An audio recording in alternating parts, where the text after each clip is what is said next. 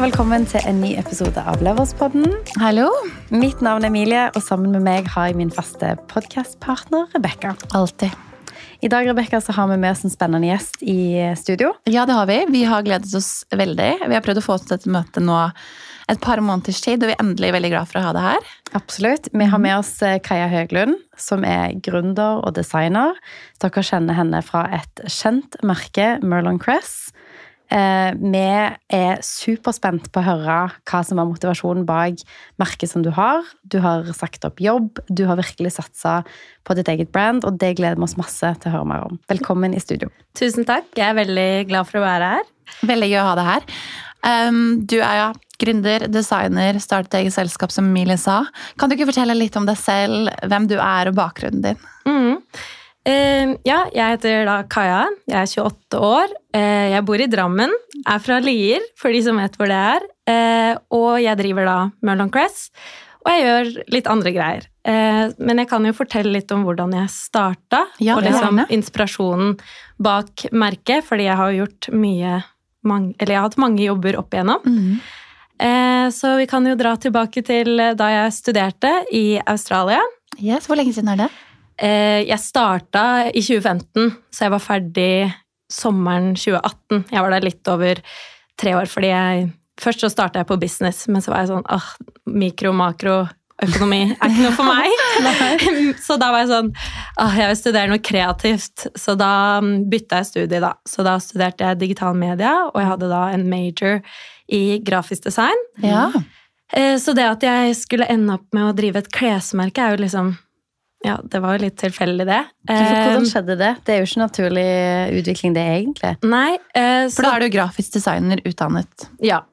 Så det som skjedde, var jo at da jeg var i Australia eh, Studieopplegget der er jo litt annerledes i Norge, så der er det litt mer sånn prosjektbasert. Mm. Det er ikke så mye sånn prøver og sånn. Men siste semesteret, det siste året, så hadde vi eh, liksom en hovedoppgave. Ikke noe bacheloroppgave, men en hovedoppgave. Hvor vi da skulle lage vårt eget eh, Eller vi skulle lage vår egen bedrift. Og altså, siden jeg studerte grafisk så var det veldig mange som lagde liksom logobedrift, eller liksom at de lagde sånn printable things. Ja, ting sånn, som er relevant menyer for det. og liksom, litt sånne type ting som er relevant til grafisk design. Ja. Eh, men jeg bestemte meg da for at eh, jeg skulle lage mitt eget klesmerke, og at jeg skulle sy klærne selv, eh, selv om jeg da aldri hadde sydd noe som helst før. Det er kult. Eh, så da Det var ikke klærne jeg ble bedømt på eh, når jeg fikk karakteren. Eh, det var jo det grafiske rundt, sånn som logo og branding og sånn. Mm.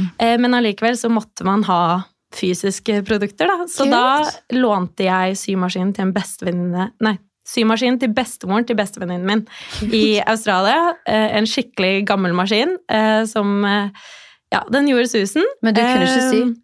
Nei, jeg kunne Nei, ikke sy. Men det er ganske vanskelig. Sånn, jeg har sydd litt, og det er det å få sømmene til å fungere, og hvilken type sømmer man skal bruke, stoff, nåla brekker Var ikke det liksom vanskelig å sette seg inn i? eller hvordan var jo, det? Jo, men uh, vi er jo så heldige at vi har YouTube, da. Så ja. jeg var jo på YouTube og søkte litt og starta med How to thread the sewing machine. du begynte på null? jeg begynte på null.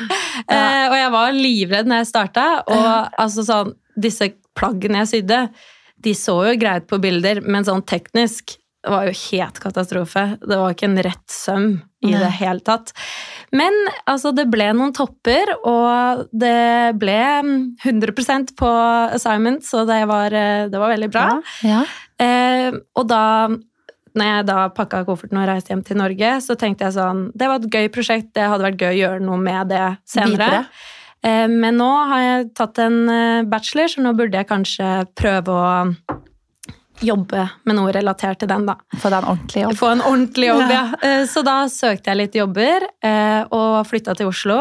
Eh, begynte å jobbe i et firma som har en del restauranter i Oslo, så jeg designa da menyer og liksom styrte med Instagram og ja, litt diverse, da. Det var typisk grafisk design-jobb. Ja, ja, veldig typisk grafisk design. Og det var en veldig ålreit jobb, det. Altså, jeg trivdes.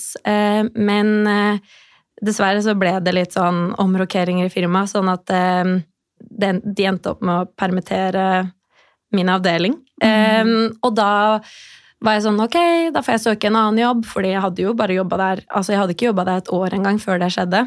Eh, og da fikk jeg en jobb eh, som grafisk designer hvor jeg designa stygge julegensere. Ja.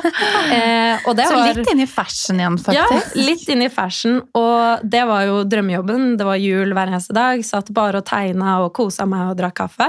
Ja. Eh, og det var et veldig lite firma, eller det er et veldig lite firma. Eh, og de to gutta som har starta det, da, de er ikke så gamle, de er liksom i 30-åra. Eh, og de er kjempeflinke og veldig inspirerende.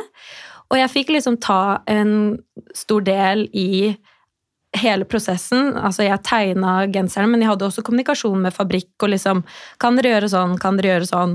Eh, så jeg, det var litt en måte for meg å få litt innblikk i hvordan det fungerte å produsere klær da, i fabrikk. ja, ikke sant? Eh, Så det var veldig lærerikt. Eh, Men så kom eh, pandemien, og de var liksom sånn Ja, vi er veldig fornøyd med deg, men nå er det veldig usikkert. Kommer folk til å ha julefester, eller Ja. liksom Fordi de, de tjener alle pengene sine i jula. På bedrifter som skal Ja, så er handle det, sånn, det er også da man bruker en julegenser. Sånn. Du tar ikke på deg det det casually på en dagens dag i man desember. gjør det utenom. Kanskje noen gjør det, men det er jo veldig sånn Å, nå skal vi ha ugly um, Christmas sweater party. Ja, Ja. det er gjerne i Altså, du er gjerne sammen med andre mennesker, da, Ja. når du går rundt med den. Så, så de var veldig sånn usikre på hvordan det kom til å gå, ja. og da ble jeg permittert. Men så var jeg sånn, ja ja, sånn er det. Eh, nå får jeg sikkert ikke noe annen jobb, fordi altså, det er permitteringer i hele landet, det er ingen som ansetter nå. Og så tenkte jeg sånn, ja, det hadde jo vært veldig gøy å starte med den bedriften jeg jobba med i Australia. Eh, fordi jeg har alltid drømt om å starte noe for meg selv. Hvis du Ja. spør mamma og pappa, så er det liksom sånn Ja, du har alltid sagt at du skal ha din egen bedrift, du, og du liker ikke å ha en sjef. Så det er liksom sånn De har alltid trodd at det, det var det jeg kom til å ende opp med. Jeg kan relatere til den følelsen der. Men eh, var det sånn at du da alltid drømte om å være klesdesigner når du var liten? Nei. Det var liksom bare det å ha noe eget og være fri. Eller sånn Jeg, jeg elsker å jobbe. Ja. Jeg syns det er kjempegøy å jobbe, og det er sånn hvis jeg er alene hjemme, eh, da er det liksom sånn, da jobber jeg hele tida. Men eh, jeg liker ikke at det er noen som skal bestemme når jeg skal jobbe, og når jeg skal skal levere, og hva jeg skal gjøre. Eh, Selv om jeg kunne nok trengt noen som hjalp meg litt med struktur, men jeg har veldig sånn indre drive, da. Mm. Men hvordan liksom, så du, når, jeg er vi liksom i begynnelsen av pandemien, kanskje 2020. Ja. Hvordan var det du liksom, startet du AS med en gang? Hadde du et enkeltmannsforetak? Hvordan liksom kom du i gang? Ja, nei, jeg hadde Jeg bare oppretta et enkeltmannsforetak, og jeg har faktisk bare fortsatt det. Det må jeg faktisk bytte. Ja, det var de, Eh. eller det bør du. Ja, nei, jeg vet det, så jeg har bare ikke kommet så langt ennå. Men em, jeg oppretta et engelskmannsforetak. og så eh, bygde jeg nettside, for det, det er jo det jeg kan. Ja. Eh, og så designer jeg alt av logo og kom opp med et navn. Og det er mange som spør meg om hva navnet til merket betyr. Eh, navnet er jo da Merlon Cress. Og eh, da jeg begynte med det prosjektet eh, i Australia, så bodde jeg i en gate som het Merlon Crescent. Så jeg har Ah. enkelt og greit bare forkorta det navnet. Ja, for det høres jo veldig sånn fransk ut. Ja. Det er veldig mange som spør meg liksom sånn Ja, er det fransk? Sier man Merlon Cress? Det bare, mm, definitivt. Ja, nei, så um, sånn, sånn var det. Eh, og så når jeg hadde da bygd alt av nettside og branding og sånn Jeg lanserte jo ikke med en gang, men jeg begynte å poste på Instagram. Og liksom bygge opp en sånn Prøve å bygge opp litt følgere der, da. Og da Mm. var det veldig viktig for meg å dele alt i prosessen. Sånn veldig mye behind the scenes og liksom hva jeg holdt på med, og spørre om liksom Skal vi lage det sånn? Skal vi lage det sånn? Eh, og få, prøve å få så mye innspill som mulig. Eh, både for å liksom vite hva slags klær jeg skal lage, og også fordi eh, det var veldig viktig for meg å bygge opp litt troverdighet. Ja, ja. For det er sånn Du ser en random profil på Instagram med 100 følgere, så er det sånn Skal du kjøpe av den? Er det en Er troverdig? Ja. business, liksom? Så det var veldig viktig for meg på en måte vise hvem jeg var, da, og sånn at de så at dette var faktisk et ekte menneske. Og hvis det skulle være noe, så da kunne de snakke med meg, da. Ja, ja. Og Men vite det. Hvordan gikk det da du begynte å poste innhold? For det, det er jo sånn, jeg vet i hvert fall hvem du er Mm. gjennom TikTok og Instagram. Og liksom sånn, hvordan begynte du? Gikk det fort oppover? Fikk du mange følgere tidlig? Hvor mange hadde du når du lanserte produkt? Um, det gikk ikke fort oppover, eh, men jeg bare starta å poste, og så var jeg veldig aktiv. Jeg liksom Jeg fulgte profiler som jeg syntes var inspirerende. Jeg Ja. likte bilder, jeg la igjen kommentarer, jeg reagerte på stories. Altså, jeg jeg gjorde veldig mye for å vise at uh, her er jeg, og det er jo veldig mange sånne profiler, sånn derre eh, Scandic Fashion, eller jeg husker ikke hva alle de heter, ja, men så veldig mange tagger, sånn melk og honning, min Ja, mote.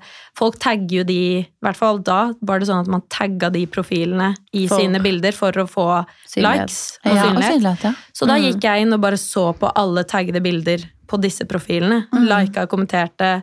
Og så gikk jeg på brands som jeg likte, og gikk på deres taggede bilder.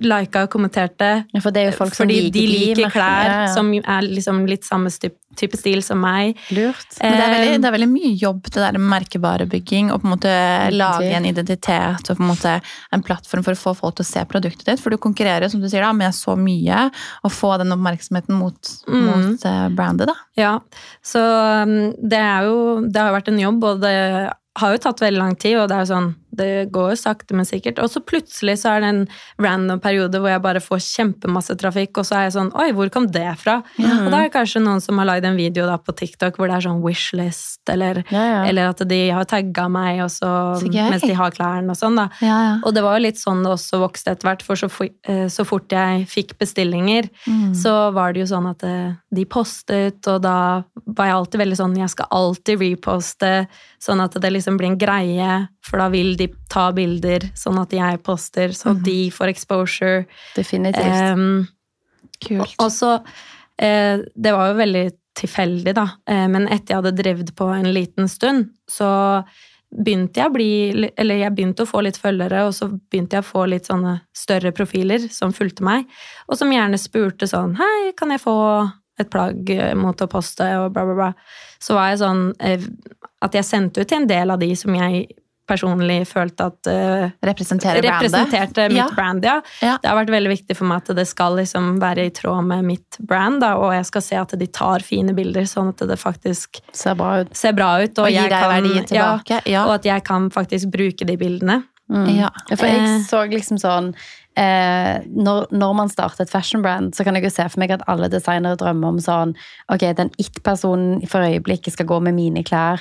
Og du, jeg så jo at Matilda Djerf, blant annet, eller Djerf, eller hvordan det uttales, eh, gikk med den ene toppen din, i hvert fall. Og det er jo liksom sånn Hvordan føles det når man har noen som er liksom så innflytelsesrik i akkurat den bransjen du vil inn i, som går med dine design? Sånn, det må jo ha vært et stort øyeblikk for din Ja. bedrift òg.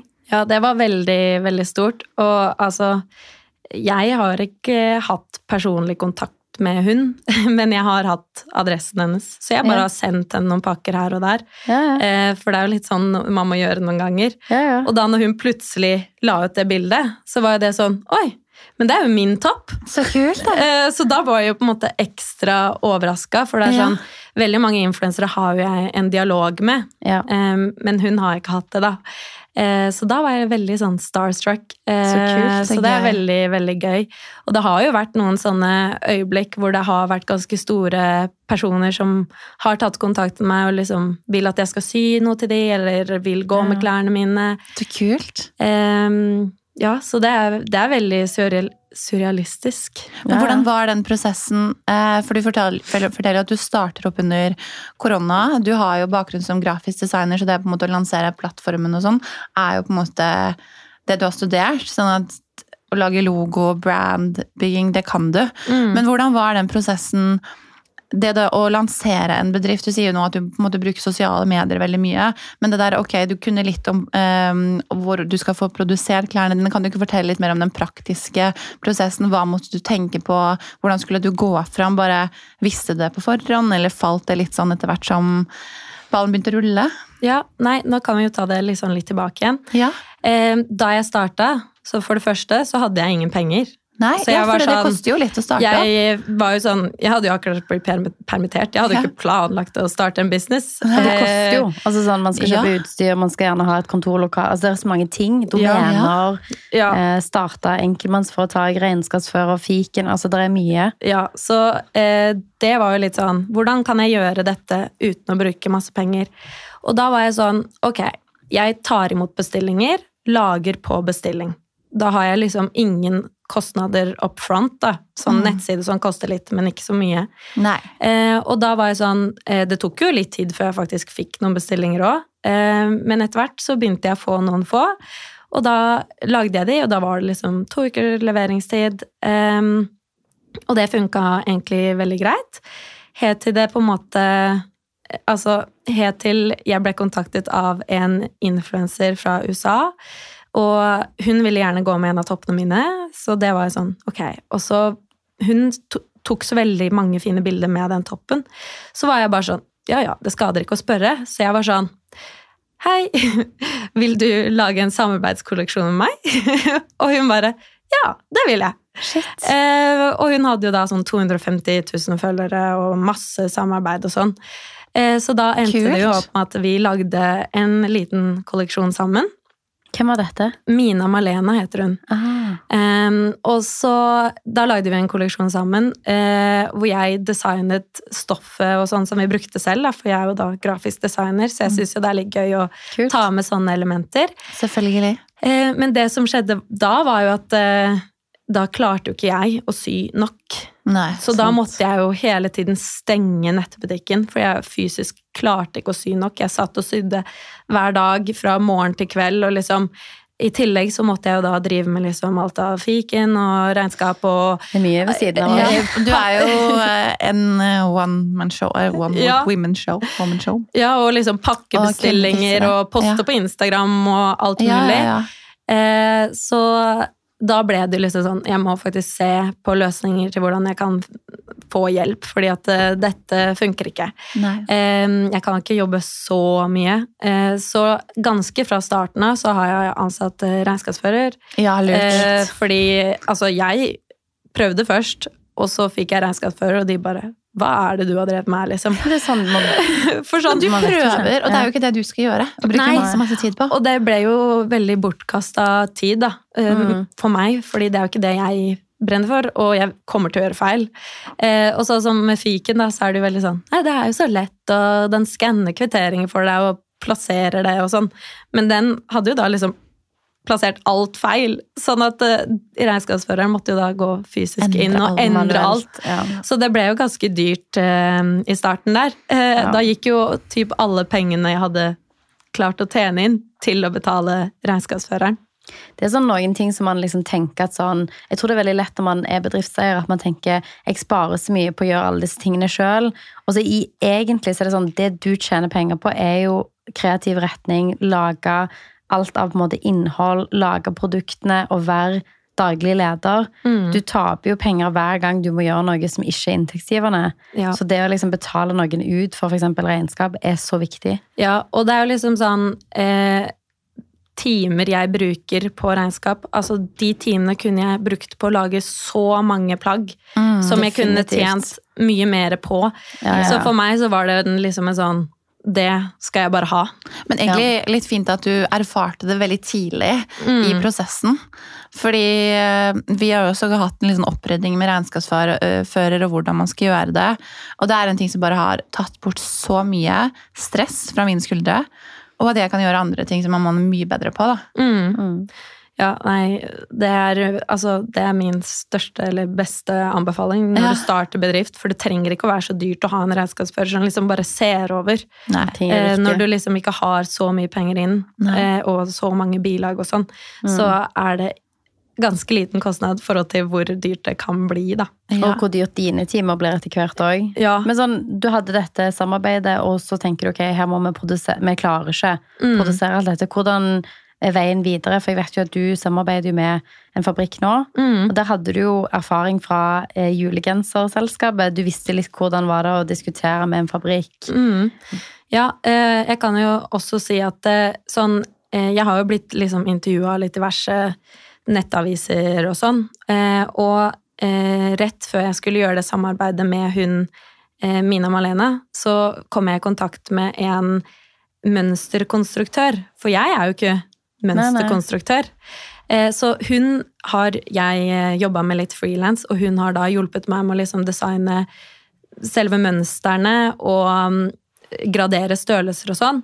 Sånn at når jeg da tok kontakt med fabrikk, så hadde jeg da ferdig mønstre som jeg kunne sende til de eh, sammen med fysiske samples. Så det var veldig lett for meg å liksom komme i gang med å produsere klær. Eh, og altså, det er veldig mange som spør meg hvordan jeg fant fabrikken min og sånn. Eh, og når jeg liksom starta å poste på sosiale medier, så har jeg blitt kontaktet av så mange fabrikker.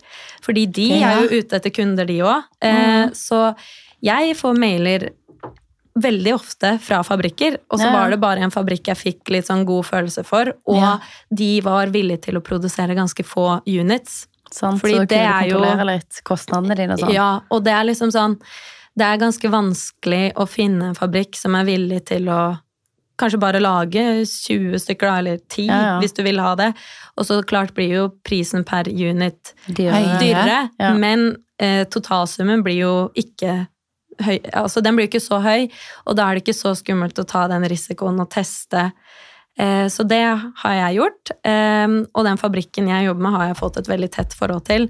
Så for å For meg så har det også vært litt vanskelig å um, ha ting på lager, fordi det er jo veldig vanskelig når man prøver å være size inclusive og på en måte Ja, ja. ha liksom alle størrelser tilgjengelig hele tiden. Eh, Så fabrikken min har på en måte sagt seg villig til å jobbe med Eller på en sånn pre-order-basis, ja. Sånn Mm. at eh, mange av eh, Eller jeg tar veldig mye pre-orders, men det er jo også challenging, fordi da blir ventetiden en del lenger. Lenger, Så mm, målet nå fremover er jo å gå bort fra det. Mm. Men da blir det jo også mye høyere risiko når jeg må legge ut for alle produktene. Og ha varelager Mm. og hele Ja. pakka. Eh, Men ja, da jeg starta, så mm, drev jeg jo bare ut fra det ekstra soverommet i leiligheten. Mhm. Jeg var heldig og fikk kjøpt leilighet eh, før jeg mista jobben.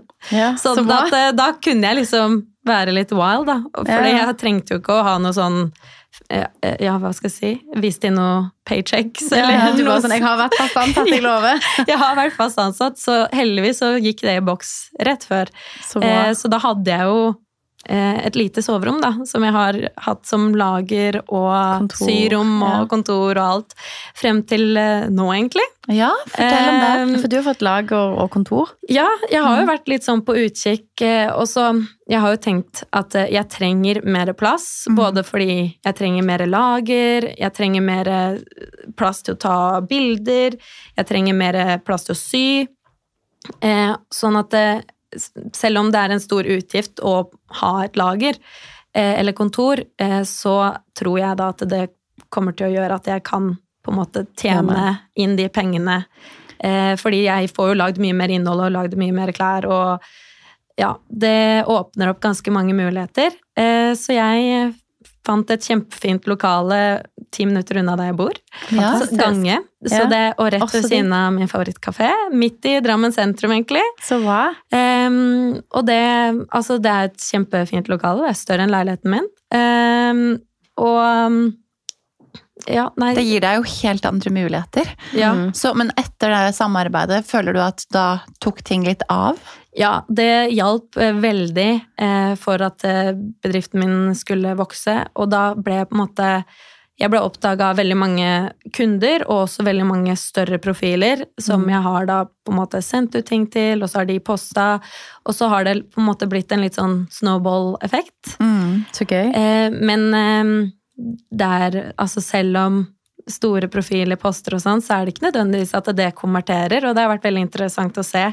Ja. For sånn, noen profiler, da er det liksom sånn Ingenting skjer. Er det sant? Ja. Mens får... andre profiler, bare de treffer fordi de er veldig hva skal jeg si, in line med mitt merke. Ja. Mm. Og da er det bare sånn Det hadde skikkelig effekt, da.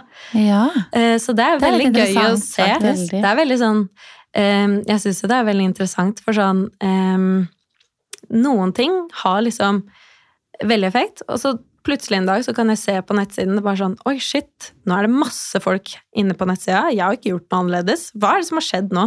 Og så går jeg og ser da, og så bare Å ja, det er en video som liksom har tagga meg med liksom Og de har fått en million views, og liksom shit. Det er sånn veldig sånn snowball-effekt. Ja, at det liksom er sånn tilfeldig hvor det skjer, og plutselig så Ja. Mm. Det er så kult med liksom sånn, Før var det veldig sånn å, vi har lyst på den store influenseren som skal gjøre en kampanje.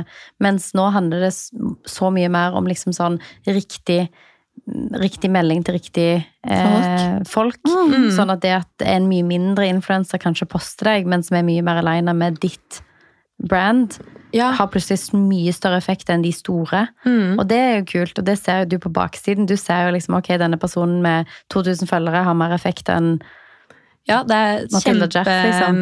Ja, det er kjempeinteressant. mm. Og så sånn, eh, det at hun Matilda Djerf-posta, for eksempel, da. Hun er jo veldig i tråd med Veldig. mitt merke. Mm. Så det hadde jo veldig effekt, men da var det jo liksom sånn um, Det var også veldig bare sånn effekt at jeg fikk creds. Folk bare Wow, you made it. Ja, ja. Ja. Og så var jeg sånn Ja, kjøp, da! Fint, men liksom bestill på nettsiden. Nei, men det var Ja. nesten bare sånn wow. Uh, så det er litt sånn eh, gøy å se hvordan de forskjellige har effekt. ja. Mm. Um, du har jo da gått gjennom en prosess hvor du har eh, fått ting til å skje. Ehm, kan du fortelle litt om liksom hva som har vært det mest spennende og gøye på prosessen? Ja. ehm, jeg syns jo det er veldig gøy å lage nye ting. Og liksom bare se sånn Slår det an, eller slår det ikke an? Så det er jo hver gang jeg starter å lage noe nytt, så syns jeg det er eh, kjempegøy. Eh, og jeg syns det er veldig gøy selve markedsføringsbiten. Jeg ser jo for meg sånn etter hvert da, at eh, jeg vil nok helst jobbe mest med design og markedsføring og sosiale medier. Mm. Og at eh, jeg har jo fabrikken som syr for meg nå, men jeg ønsker jo egentlig å ta litt av eh, produksjonen tilbake til Norge. Det er jo Altså, jeg syns det er veldig fint når man kan lage ting i Norge. Og jeg lager jo fortsatt en del av tingene selv, men fra og med høsten så kommer jeg til å ha en skredder som skal jobbe med meg. Det er samme Kult, som, det er samme som har vært mønsterkonstruktør. Eh, Vi har liksom fått et veldig sånn close eh, forhold via bedriften her. Kult. Um, og det blir jo kjempegøy eh, å lage ting inhouse, og så får vi se da om det holder med en skredder, eller om vi trenger et par til. Jeg håper jo det, at vi kan ekspandere ja, inhouse. Og det er kult å kunne skape arbeidsplasser og gjøre det lokalt. Og kanskje da turnover på Tinder du slipper å ha sending um, fram og tilbake. Ja. Mm. Når vi snakker med deg om seks måneder, så har du liksom ti. Ja, Ja. det kan skje. Det hadde vært drømmen. Og så bare sånn fra et sånn markedsføringsperspektiv òg, så tror jeg det er veldig lurt å liksom ha produksjon lokalt. Definitivt. Og det gjør jo at man er mye mer fleksibel. Man kan teste styles mye fortere. Det er sånn, Man har en idé, man kan lage en sample, ta bilder.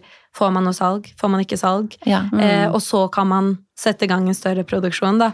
Nå når jeg jobber med fabrikk, så blir det jo litt mer sånn Man må ta en risk. Mm. Ehm, og det er jo Noen ganger så går det jo kjempebra. Eh, men jeg hadde en kjole nå som jeg lagde i høst, og den var kjempefin, syns jeg. Eh, og den var liksom 100% silke, kjempefin. Eh, men den har liksom ikke slått helt an. Og da liksom sitter jeg med et varelager som jeg sliter med å For Selge ut. Sant. eh, Og det er jo litt sånn skummelt når man har satt seg en del penger på det. Ja, på, på produkt. Som du sier at eh, det var en ting som du opplevde som var litt sånn skummelt. Er det noen andre ting sånn eh, du har møtt på veien som har vært vanskelig? Det der å starte en bedrift, man skal finne ut ting. Har du hatt noen sånn hinder du må på en måte komme over, eller hva har vært vanskelig? Eh, Det jeg syns kanskje er aller vanskeligst, det er liksom å eh, manage cashflow. Fordi det er liksom sånn Likviditetsbudsjett. Ja, Ja. fordi det er liksom sånn Altså, jeg har jo ikke peiling egentlig på det. Det er jo ikke det jeg er god på.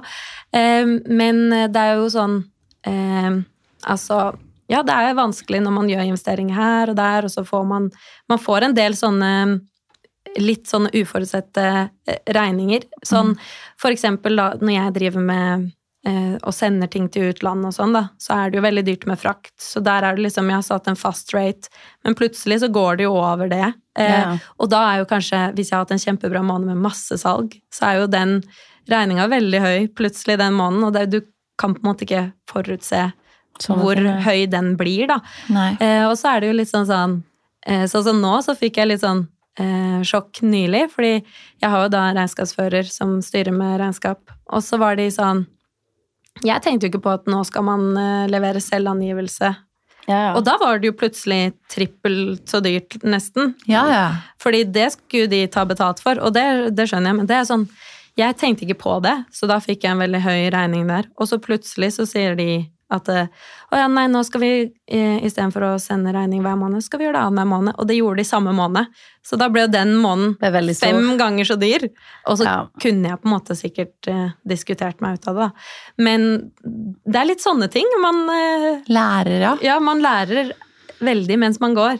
Men kan du ikke spille den litt til de òg, og bare være liksom sånn De er òg en sparringspartner. Sånn, du er en bedrift som vokser. Din styrke er jo det kreative, retningen, markedsføringen, alt av en måte produkter. og Sånn at man òg jeg tror det, det er veldig viktig å liksom spille på de som er gode på andre ting enn deg. Mm. Og si sånn Hei, jeg trenger kontroll over dette. Jeg trenger likviditetsbudsjett. Jeg trenger på en måte at man eh, setter ting av i en konto, sånn at jeg vet at ting blir dekka. Jeg trenger bedre logistikk på sendinger av bestillinger. Jeg trenger høyere marginer på shipping, som er det Ja. største usikkerhetsmomentet. Sånn, hvem kan man på en måte få med inn for at de tingene blir enklere? Mm, Fordi at at du selger for eh, 15 millioner eh, neste år. Da trenger man jo ja. på en måte Jeg Altså, vet ikke hva du selger for nå, da, men at Nei, du men altså, ideelt sett så hadde det jo vært litt flere enn meg. For jeg har jo Ja. da egentlig altfor mange Altfor mange hatter. Ja. For sånn, jeg driver jo dette firmaet, Mm. eh, og da Altså, i fjor, når jeg um, starta å investere i fabrikk, så er jeg sånn Dette er litt skummelt, jeg trenger en fast inntekt også. Mm. Og da fikk jeg en jobb. Eh, Ja, okay. 100 Ja. eh, Som jeg hadde da et år nå, da. Mm. Eh, Hva var det, da? Da var jeg sosial, nei, sosiale Å, herregud, jeg klarer ikke å snakke. Sosiale mediemanager mm. eh, i Orkla. Oh, ja. Eh, og det var en veldig ålreit jobb. Eh, men eh, da merka jeg at jeg spredde meg selv veldig tynt. Ja. Eh, for jeg hadde da to 100% jobber. Eh, og så er jeg jo da veldig aktiv på TikTok. Det er jo en jobb i seg selv, det òg. ja, og jeg eh, presterte å vinne en kontrakt med Klarna. Oi. Ja. Så jeg lager videoer for Klarna også. Ja, Eh. Jeg ligger så langt inn i episoden så kommer det bare Jeg har en fulltidsjobb til, og så er jeg Klarna creator. Ja, nei, jeg slutta i den uh, Orkla-jobben slutta jeg i februar, da. Ja, ja. Så da trengte jeg en måneds ferie. Ja. Så det var da jeg dro til Australia oh, på ferie. Eh, Men jo, så jeg er jo da lager videoer for Klarna, og så driver jeg også med litt sånn sosiale mediemanager for litt sånn småbedrifter som jeg kjenner. Ja, ja. Eh, Så jeg, altså, jeg trenger Du trenger team, du. Du trenger tid, Jeg trenger et team. lite team. så du kan få tid. Ja, så, så, alle dere som hører på, som har lyst til å jobbe med Kaja, send inn en CV til Kaja sin mail, eller til oss på DM, så kan vi videreformidle. Ja, det hadde vært veldig fint. Så det er litt sånne ting jeg må finne ut av. Sånn, hvordan gjør man det?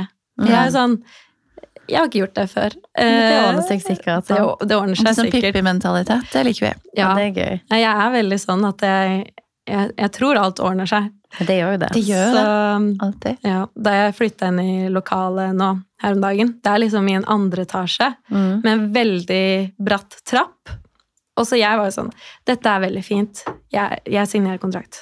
Og så kommer jeg dit, og når jeg skal flytte inn, så bare Oi, hvordan skal vi få opp liksom symaskinen og sånn? For det er jo sånn svært bord som veier over 80 kilo, og du kan ikke demontere det. Og jeg bare Ja ja, det går fint.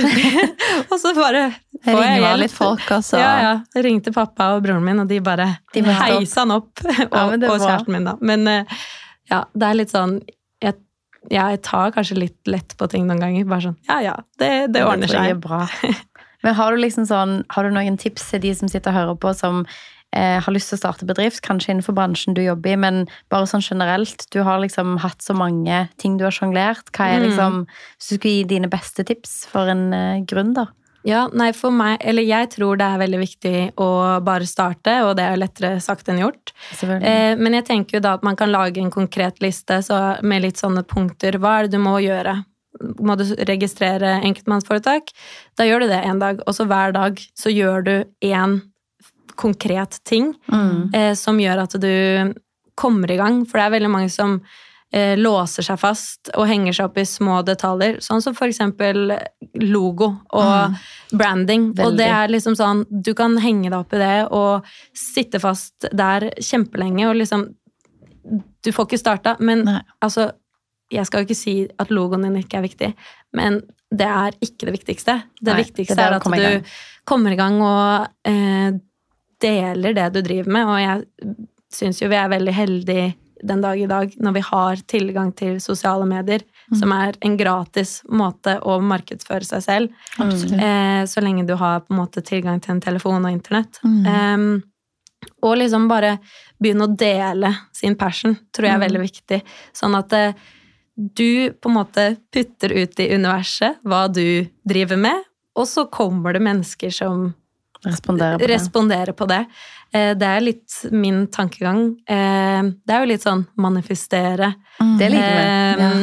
Og jeg merker jo liksom så fort jeg begynte å putte ting ut i verden, så mm. fikk jeg mye mer Tilbake. tilbake, og da ble jeg liksom ja, ringt ned av eh, altså forskjellige aviser som ville Ja. intervjue meg fordi de hadde sett det jeg hadde gjort. Og, altså, ja, man må på en måte ikke være redd for å synes. Mm. Eh, og um, du må ikke være redd for å være ansikt utad, fordi det er det som kommer til å gjøre at du skiller deg ut. Mm. Eh, altså, det er jo så mange bedrifter, og når du starter som en liten aktør, så må du gjøre et eller annet som gjør at du skiller deg ut, og da er det liksom Det at det er et ansikt og en stemme på det, det er så fint. viktig. Og jeg tror også folk som du sa, du elska å dele litt av prosessen i starten og se hvordan ting blir til. For man, Mm. det blir liksom den historien bak, da det er mer enn bare produktet. Og man liksom får sånn forhold til det, at man kjenner det litt. Det blir Mm. personlig. Liker det veldig godt. Um, vi har en podkast som heter Levels, og vi snakker jo hele tiden om hvordan man også kan levele opp. Og det er en ting vi skal liksom ta litt videre i podkasten nå. Uh, og hva er liksom din next level? Hva, hvor skal du neste Eller hvor, hvor skal du nå? Hva er målene dine? Ja, vi har jo snakka litt om det, men tanken er jo da å bringe eh, litt mer av produksjonen tilbake in-house Mm. i Norge. Både for å ha litt mer kontroll og for å kunne teste styles og sånn. Eh, Og så er det jo da å bygge et lite team, eh, sånn at jeg slipper å spre meg selv så tynn, fordi at da blir ikke alt gjort 100% Sånn, du klarer aldri å gjøre alt 100% hvis du har for mange oppgaver. Det er sant. Eh, og da er det Jeg tror da at det er viktig å investere i det, og at det kommer til å lønne seg og gjøre at du får mer penger inn i bedriften, da. Absolutt. Eh, så det er jo Altså, det er jo tanken. Eh, og så er det litt sånn Da jeg starta, så lagde jeg bare klær fordi jeg syntes det var fint. Eh, men så har jeg jo eh, fått litt mer sånn respons fra kunder og sånne type ting. Og jeg eh, har på en måte funnet litt ut at eh, jeg syns det er veldig viktig å lage klær som passer til alle forskjellige kropper. Mm. Og jeg er jo også veldig opptatt av at det skal være gode materialer som ikke skader eh, naturen mer enn det må. Men at jeg kommer til å ha mer fokus på å lage klær som kan justeres, og som, altså som kan tilpasses, sånn at alle føler seg fine. Fordi eh, altså jeg hadde en kjole som ble veldig, veldig populær, eh, men den var liksom sånn du måtte ha den fasongen, for det var ikke noe stretch, det var ikke noe knyting. Ja. Og da blir det veldig vanskelig, fordi alle er så forskjellige. Forskjellig, ja. Eh, så det syns jeg er veldig gøy, og det er en veldig sånn fin challenge å alltid ha i bakhodet at du skal kunne justere på det, da. Mm. Det er gode tips og gode mål å ha for bedriften. Så gleder vi oss til å høre når du har ti ansatte og på en måte har bygd ut teamet og fått produksjonen tilbake til Norge. og Det blir spennende å følge deg. Ja, det, det er drømmen. Ja. men det blir, det, det blir bra. Ja. Tusen takk for at du delte din reise. Det er veldig inspirerende å høre, og jeg Ja. gleder meg i hvert fall veldig til å følge deg og se liksom hvordan dette utvikler seg, fordi jeg tror at det er mye spennende som kommer til å skje for både deg og bedriften. Og for de som hører på, så kan jo finne deg på Instagram og på TikTok. Vi kommer til å linke til alt eh, av dine plattformer i beskrivelsen på episoden og på vår Instagram. Ja. Så gå over og følg deg og bedriften hvis du ikke allerede gjør det. Takk for meg. Tusen takk! Tusen takk. Ha det. Ha det!